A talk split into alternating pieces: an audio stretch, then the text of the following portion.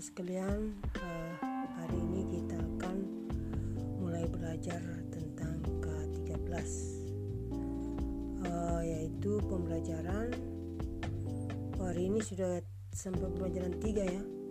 Berarti kita mulai lagi eh, pembelajaran um,